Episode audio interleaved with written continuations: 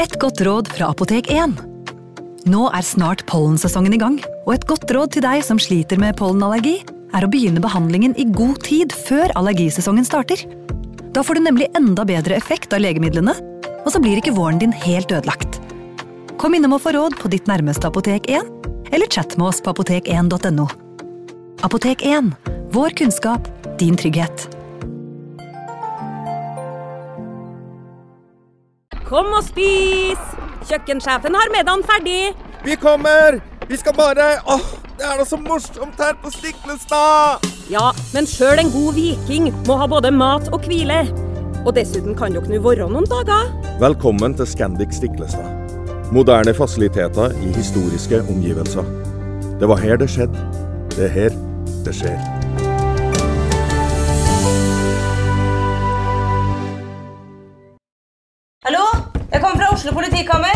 Ine Jansen er purk. Er du purk? The motherfucking bitch. Alt jeg vil, er å finne ut hva som skjedde med mannen min. Jon Carew. Er jeg sikta for noe? Iben Akeli. Det er du.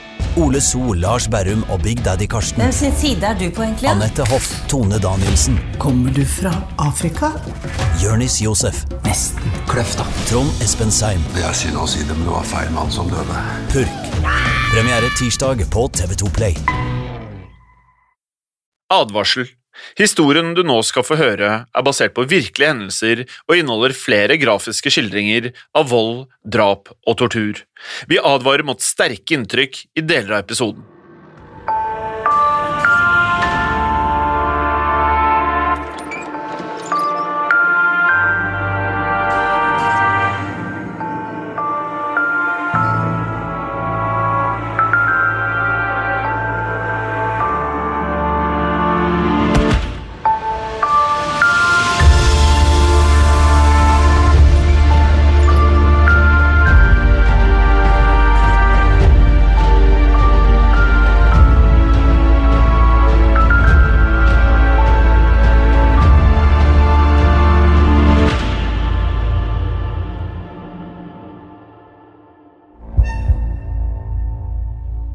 Den 29. juli 1995 hadde vært en helt vanlig lørdag for familien Phillips.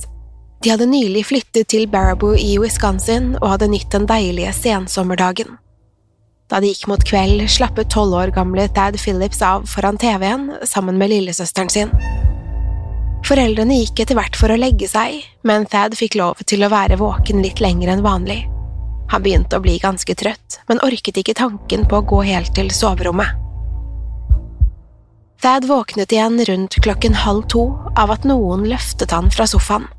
Han skjønte ikke hva som foregikk, men regnet med at det bare var faren som bar ham inn på soverommet. Thad var derfor ikke redd eller bekymret, og tenkte at det bare var å sove videre. Noen få minutter senere våknet han riktignok igjen, men nå var han verken på soverommet eller på sofaen i stuen.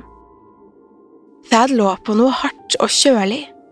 Han åpnet øynene og prøvde å samle tankene, og skjønte at han nå var utenfor huset. I stedet for en deilig varm seng lå han rett på den harde asfalten. Thad skjønte ikke hva som foregikk, men dette var bare begynnelsen. Over Thad sto nemlig en person han aldri hadde sett før. Det var en gutt som var noen år eldre enn Thad. Nå var Thad virkelig forvirret, men han var naiv og uskyldig nok til å tenke at det ikke var noe å bekymre seg for. Han antok at dette var en venn av familien som kanskje hadde behov for hjelp. Den fremmede tenåringen presenterte seg som Joe Clark. Joe fortalte at han bodde like ved, og spurte om Thad hadde lyst til å bli med ham hjem. Det var nå midt på natten, og Thad forsto fremdeles ikke hva som foregikk. Likevel så han ingen grunn til å være redd. Joe virket som en vennlig fyr, og Thad bestemte seg for å bli med ham. For Thad skulle denne avgjørelsen forandre livet hans for alltid. Dette var nemlig begynnelsen på et 43 timer langt mareritt fylt med sadistisk tortur.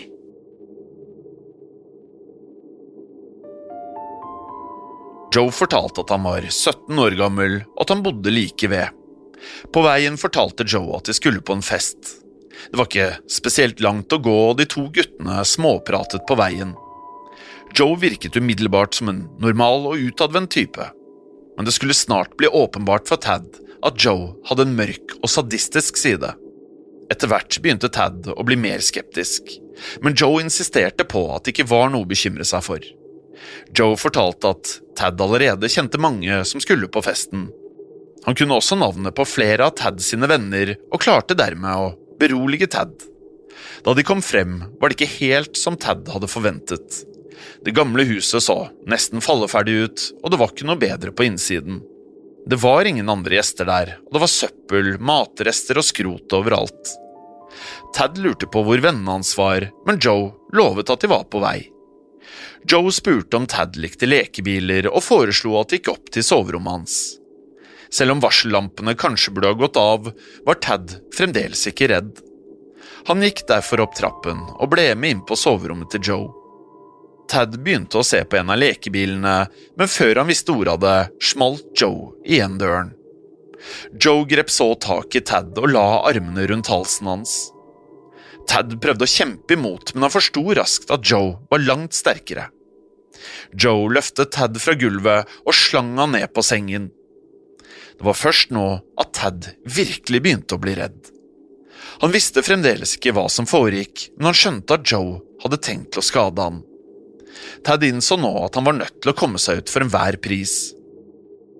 Joe ble rasende da Tad prøvde å stikke av. Joe grep tak i Tad idet han reiste seg og slang han ned på sengen igjen. Joe var fem år eldre, men også mye større og kraftigere enn tolv år gamle Tad. Han var derfor i stand til å holde Tad nede mens han presset en pute mot ansiktet hans. Tad fortsatte å kjempe imot, men han kom seg ingen vei. Uansett hvor mye han slo og sparket, virket det ikke som at Joe reagerte. Etter en liten stund grep Joe tak i Tad sin fot og begynte å vri. Tad skrek ut i smerte, men puten dempet hylen hans. Joe fortsatte å vri, og snart begynte beinet å knase. Tad tryglet om at han skulle stanse, men Joe bare fortsatte å vri, helt til han hørte et høyt knekk. Foten pekte nå bakover, og ankelbenet til Tad var knust. Tad var nå i sjokk, men han var fremdeles innstilt på å komme seg ut av huset. Han skjønte nå at Joe kun så vidt hadde begynt. Utrolig nok kom Tad seg løs og prøvde å legge på sprang. Sjokket gjorde at han fremdeles ikke følte den intense smerten, men han forsto likevel at noe var forferdelig galt. Da Tad tråkket ned på ankelen, kjente han nemlig at foten bare skled til siden. Tad kom seg helt ned trappen, men Joe fulgte like bak. Joe la igjen armene rundt halsen til Tad og bare løftet han opp. Tad begynte å hive etter pusten, men idet han var i ferd med å besvime, kastet Joe han ned på sofaen. Joe uttrykte nå at han ikke satte pris på at Tad hadde prøvd å rømme. Han presisterte at slike regelbrudd ville få alvorlige konsekvenser.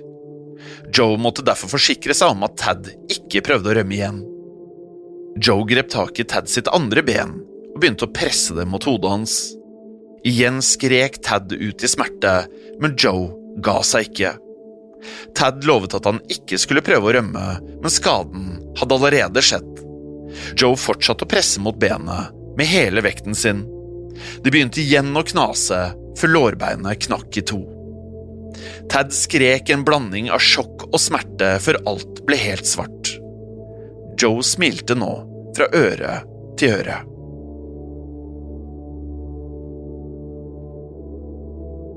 Tad forsto fremdeles ikke hva som foregikk da han våknet. Begge bena hans var nå brukket, men adrenalinet gjorde at han nesten ikke la merke til smerten.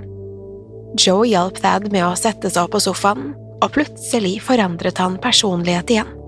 Den aggressive og sadistiske fyren som hadde brukket begge Thads ben, hadde forsvunnet. Joe var nå den samme rolige og vennlige gutten som Thad hadde blitt kjent med tidligere den kvelden. Joe begynte å fortelle om familien og ulike hobbyer, og prøvde tilsynelatende å bli kjent med gutten han akkurat hadde torturert. Thad innså at han uansett ikke ville komme seg ut av huset så lenge Joe holdt øye med ham. Han var ute av stand til å gå, og ville umiddelbart bli overmannet dersom han prøvde å angripe Joe. Selv om han kun var tolv år gammel, forsto Thad at han måtte være smart for å overleve natten, og hans eneste mulighet til å gjøre dette var å fortsette å prate med Joe. Thad var nå livredd, men også ekstremt forvirret. Han skjønte ikke hvorfor en fremmed tenåring hadde tatt ham med hjem, bare for å brekke bena og torturere ham. Thad prøvde til slutt å spørre Joe hvorfor han gjorde alt dette. Joe så ut til å sette pris på det, og begynte å fortelle om sine mørke fantasier. Joe avslørte at han elsket lyden av bein som brakk og knuste. Lyden ga ham en ekstrem tilfredsstillelse, og han hadde aldri funnet noe som kunne måle seg med det. Joe hadde til og med vurdert å knekke sine egne ben, men han hadde aldri fått det til. Joe fortsatte å fortelle om de sadistiske fantasiene, og snart ble det åpenbart at han hadde gjort dette tidligere. Thad forsto at han ikke var Joes første offer, noe som bare forsterket dødsangsten. Joe nevnte nemlig to andre gutter som hadde blitt utsatt for den samme torturen. Thad merket seg navnet Chris og skjønte at disse guttene ikke hadde overlevd møtet med Joe. I løpet av natten forsto faren til Thad at han verken lå i sengen på soverommet eller på stuen i sofaen. Han vekket resten av familien, men ingen av dem ante hvor Thad var blitt av. De ble naturligvis livredde og ringte politiet. Ingen av familiemedlemmene hadde noen anelse om hvor Thad hadde blitt av. Foreldrene var riktignok overbevist om at Thad ikke ville ha stukket av. Han var en snill og pålitelig ung gutt som alltid gjorde som han ble fortalt. Thad hadde et godt forhold til foreldrene, og hadde heller ikke begynt å drikke eller ruse seg. Foreldrene fryktet derfor at noen hadde tatt med seg Thad mot hans vilje. Noe var åpenbart forferdelig galt, men selv i deres villeste fantasier kunne de aldri ha forestilt seg hva Thad ble utsatt for.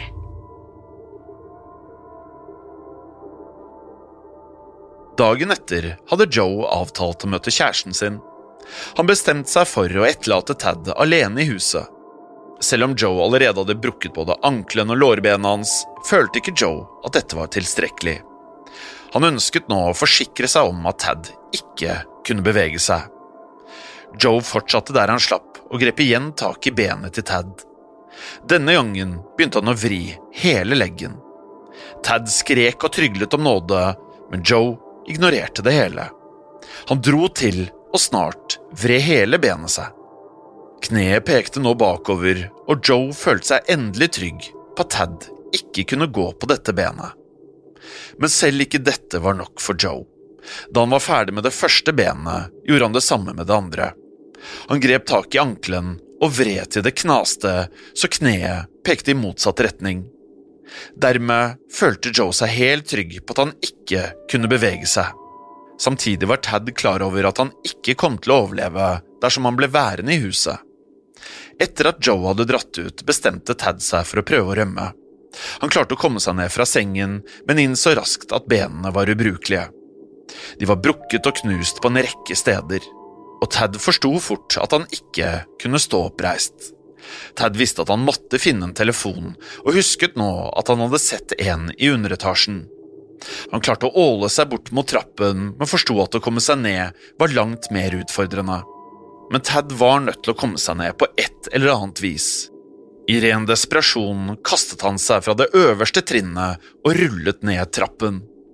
Det var like før Tad besvimte av smerten da han traff gulvet, men han presset seg selv til å fortsette, og begynte nå å krype mot telefonen. Men før han rakk frem, kom Joe inn døren.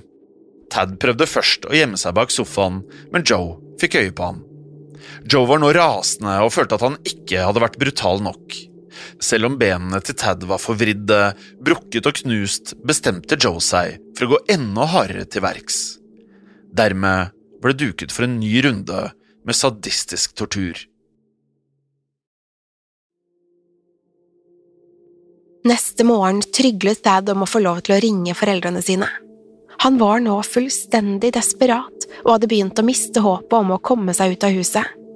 Men til Thads store overraskelse sa Joe at han skulle få lov til å ringe hjem.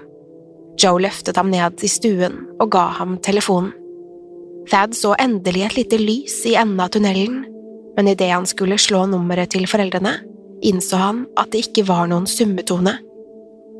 Hjertet hans sank i brystet da han så at Joe holdt på å le seg i hjel. Joe hadde selvfølgelig ingen intensjon om å hjelpe han, og hadde gitt han en telefon som ikke fungerte, bare for å rive vekk det siste håpet. Joe visste nå at han hadde full kontroll over situasjonen. Han hadde knekt Thad fysisk og forsøkte nå å manipulere følelsene hans også. Thad var fremdeles like desperat etter å komme seg ut av huset, og gjorde et siste forsøk på å forhandle med Joe. Han lovet at han ikke ville fortelle noen om hva som hadde skjedd. Thad foreslo blant annet at de sammen kunne finne på en historie for å forklare hvordan han hadde skadet bena. De ble sittende og snakke på sofaen, og Thad begynte etter hvert å få et lite håp om at han kanskje skulle klare å overtale Joe. Thad satt og snakket da Joe plutselig avbrøt ham. Joe gjorde det klart at han var ferdig med å prate for kvelden. Han mente at det var på tide å gå tilbake til soverommet og fortsette der de slapp. Nok en gang ble Thad båret opp trappen til andre etasje. Her plasserte Joe han i sengen på rommet, for han presset et håndkle mot ansiktet hans. Joe tok nok en gang tak i ankelen til Thad og vred til han hørte at det knakk. Joe ble åpenbart oppspilt av denne torturen. Han hadde selv innrømmet at han likte lyden av bein som knakk, dette ga ham nemlig en nesten seksuell tilfredsstillelse. Thad prøvde å kjempe imot, men Joe fortsatte å gjøre akkurat som han ønsket. Joe truet med at han ville brekke nakken eller ryggen hans dersom han ikke sluttet å slå. Han ville heller ikke at skrikene skulle overdøve lyden av bein som knakk, og ba derfor Thad om å skrike inn i en pute i stedet. Det var ingen andre i huset, men Joe var kanskje også redd for at noen utenfor skulle høre hva som foregikk. Så snart Joe hadde fullført torturen, ble han umiddelbart mer omsorgsfull. Han lagde provisoriske bandasjer som han bandt rundt Thad sine ben. Selv om disse ikke hadde noen reell funksjon, var dette trolig et forsøk på å manipulere Thad. Ved å både være torturist og pleier ville Joe skape en kombinasjon av frykt og avhengighet. Det ble snart åpenbart for Thad at den sadistiske torturen primært var en seksuell akt for Joe. Han ble seksuelt opphisset underveis, og hadde også begynt å tilfredsstille seg foran Thad. Da Joe var ferdig med å spille sykepleier, bar han Thad ned i stuen igjen. Her kunne de sitte lenge på sofaen og bare snakke eller se på TV. Men så snart Joe begynte å kjede seg, var det på tide med en ny beinknusing. Joe elsket å brekke ben, men han fant også på nye torturmetoder for å underholde seg selv.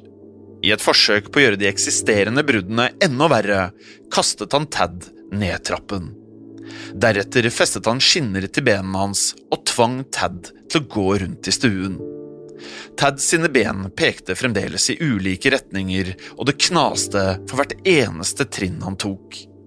Han skrek ut i smerte og tryglet om å få lov til å dra hjem til foreldrene. Joe så på dette med ekstrem begeistring. Skadene var nå svært omfattende, og Joe var sikker på at Tad ikke ville komme seg ut av huset på egen hånd. Joe hadde prøvd å overbevise han om at telefonen ikke fungerte, men Tad visste at det var en annen telefon i huset. Han hadde nemlig overhørt at Joe hadde snakket med kjæresten så da Joe dro ut igjen, bestemte Tad seg nok en gang for å prøve å rømme. Han visste at dette sannsynligvis var hans siste mulighet. Han var nå nødt til å komme seg ned trappen og finne telefonen. Til tross for de omfattende skadene hadde Tad bestemt seg for at han måtte overleve. Han tenkte på familien sin og var desperat etter å se foreldrene igjen. Også denne gangen klarte han å åle seg bortover gangen og mot trappen. Her innså Tad at han ikke hadde noe annet valg, og rullet ned alle trappene nok en gang. Han besvimte av smerte og utmattelse da han traff gulvet, men kviknet raskt til. Tad viste en umenneskelig styrke idet han kravlet bortover gulvet. Han kom kun noen få centimeter før han igjen besvimte, men Tad nektet å gi opp. Sakte, men sikkert ålte han seg nærmere telefonen, og denne gangen kom han seg helt frem. Han grep telefonen og slo nummeret til politiet. Tad var ubegripelig rolig da han fortalte hva som hadde skjedd.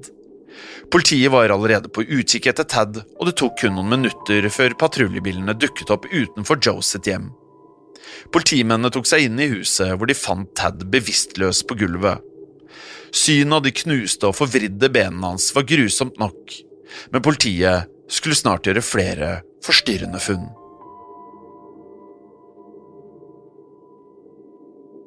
På Joes soverom fant de nemlig en notatbok med 29 navn. Disse navnene var fordelt over tre kolonner med hver sin overskrift. Den første leste Ta dem nå, den andre Kan vente, og den siste het bare Beingreia. Politiet mistenkte dermed at dette var navnene på andre barn og ungdommer som Joe hadde planlagt å kidnappe. De som tilhørte kolonnen med overskriften Beingreia, ville trolig ha blitt utsatt for den samme torturen som Thad. Joe ble funnet og arrestert et par timer etter at Thad hadde ringt politiet. I mellomtiden hadde Thad blitt kastet til sykehuset. Han var i svært kritisk tilstand, men heldigvis var han fremdeles i live. Ribben, armer og ben var brukket eller knust, og Thad hadde omfattende indre blødninger. Dersom han hadde ankommet sykehuset bare to timer senere, ville han trolig ha blødd i hjel. Skadene ble beskrevet som noen av de verste legene noen gang hadde sett. De var verre enn hva man kunne forvente etter en alvorlig bilulykke. At dette var håndverket til et annet menneske, ikke minst en 17 år gammel gutt, var helt ubegripelig. Utrolig nok overlevde Thad, og han kunne dermed fortelle den rystende historien om hva han hadde blitt utsatt for. Han kunne også avsløre at Joe trolig hadde flere liv på samvittigheten. Thad nevnte at Joe hadde snakket om en gutt som het Chris, og dette ble snart koblet til en uløst drapssak. Året før hadde nemlig Christian Steiner blitt kidnappet fra sitt eget hjem. Han hadde vært savnet i fem dager da han ble funnet ved en elvemunning. Offisielt ble dette omtalt som en drukning, men politiet hadde aldri klart å finne ut av hva som egentlig hadde skjedd med Chris. Det var en rekke likhetstrekk mellom de to kidnappingene, og politiet følte at det var verdt å undersøke dødsfallet igjen. Christian Steiner ble derfor gravd opp igjen, så rettsmedisinerne kunne vurdere saken på nytt. Beina hans ble undersøkt med røntgen, og det ble snart slått fast at de hadde blitt brukket på eksakt samme vis som Thads. Politiet antok derfor at Joe hadde torturert Chris og brukket beina hans før han kastet Chris i elven. Joe ble siktet for drap, drapsforsøk, legemsbeskadigelse og en rekke andre forbrytelser. Han erkjente at han hadde skadet Thad, men hevdet at han ikke kunne huske hva som hadde skjedd, og erklærte seg samtidig utilregnelig. Joe hevdet riktignok at han ikke hadde noe med Chris' dødsfall å gjøre. Advokatene mente Joe trolig var preget av morens rusmisbruk under graviditeten, i kombinasjon med en alvorlig hodeskade i tenårene. Joe ble funnet skyldig i alle anklagene og mottok en livstidsdom. Thad gikk gjennom flere omfattende behandlinger, og selv om han alltid vil være preget av den ekstreme torturen, er han i dag i stand til å gå.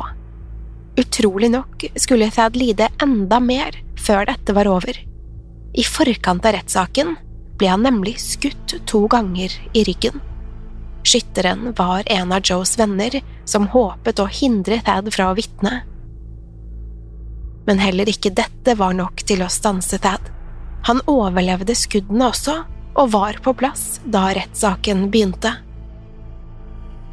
Thad reddet ikke bare sitt eget liv, han løste også drapet på Christian Steiner og forsikret seg at ingen andre ville bli utsatt for det samme som dem. Sannsynligvis ville Joe ha fortsatt å drepe dersom Thad ikke hadde kommet seg ut av huset i live. Vi skriver beinknuseren Joe Clark inn i vår bok av syndere.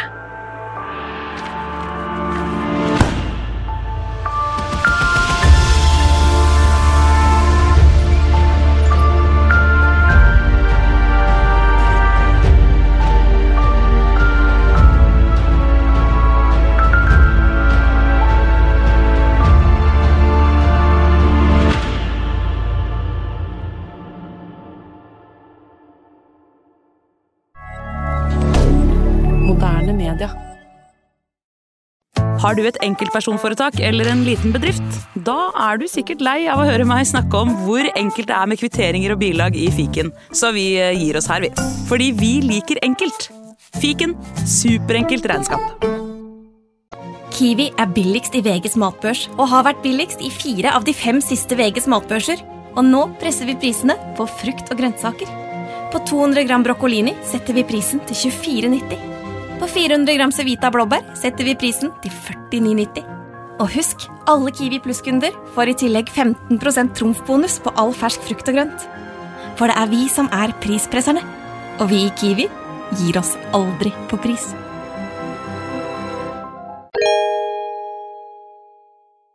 Hei, takk for at du lytter til Synderne. Skulle du ønske at du kunne høre en ny episode av denne podkasten hver eneste uke? Vel, da er det bare å laste ned podkastappen Untold med en gang. I tillegg til ukentlige episoder av podkaster som Skrekkpodden, True Crime-podden og Henrettelsespodden får du masse annet reklamefritt og eksklusivt innhold. Last ned Untold i AppStore eller Google Play, og start din 30 dagers prøveperiode i dag.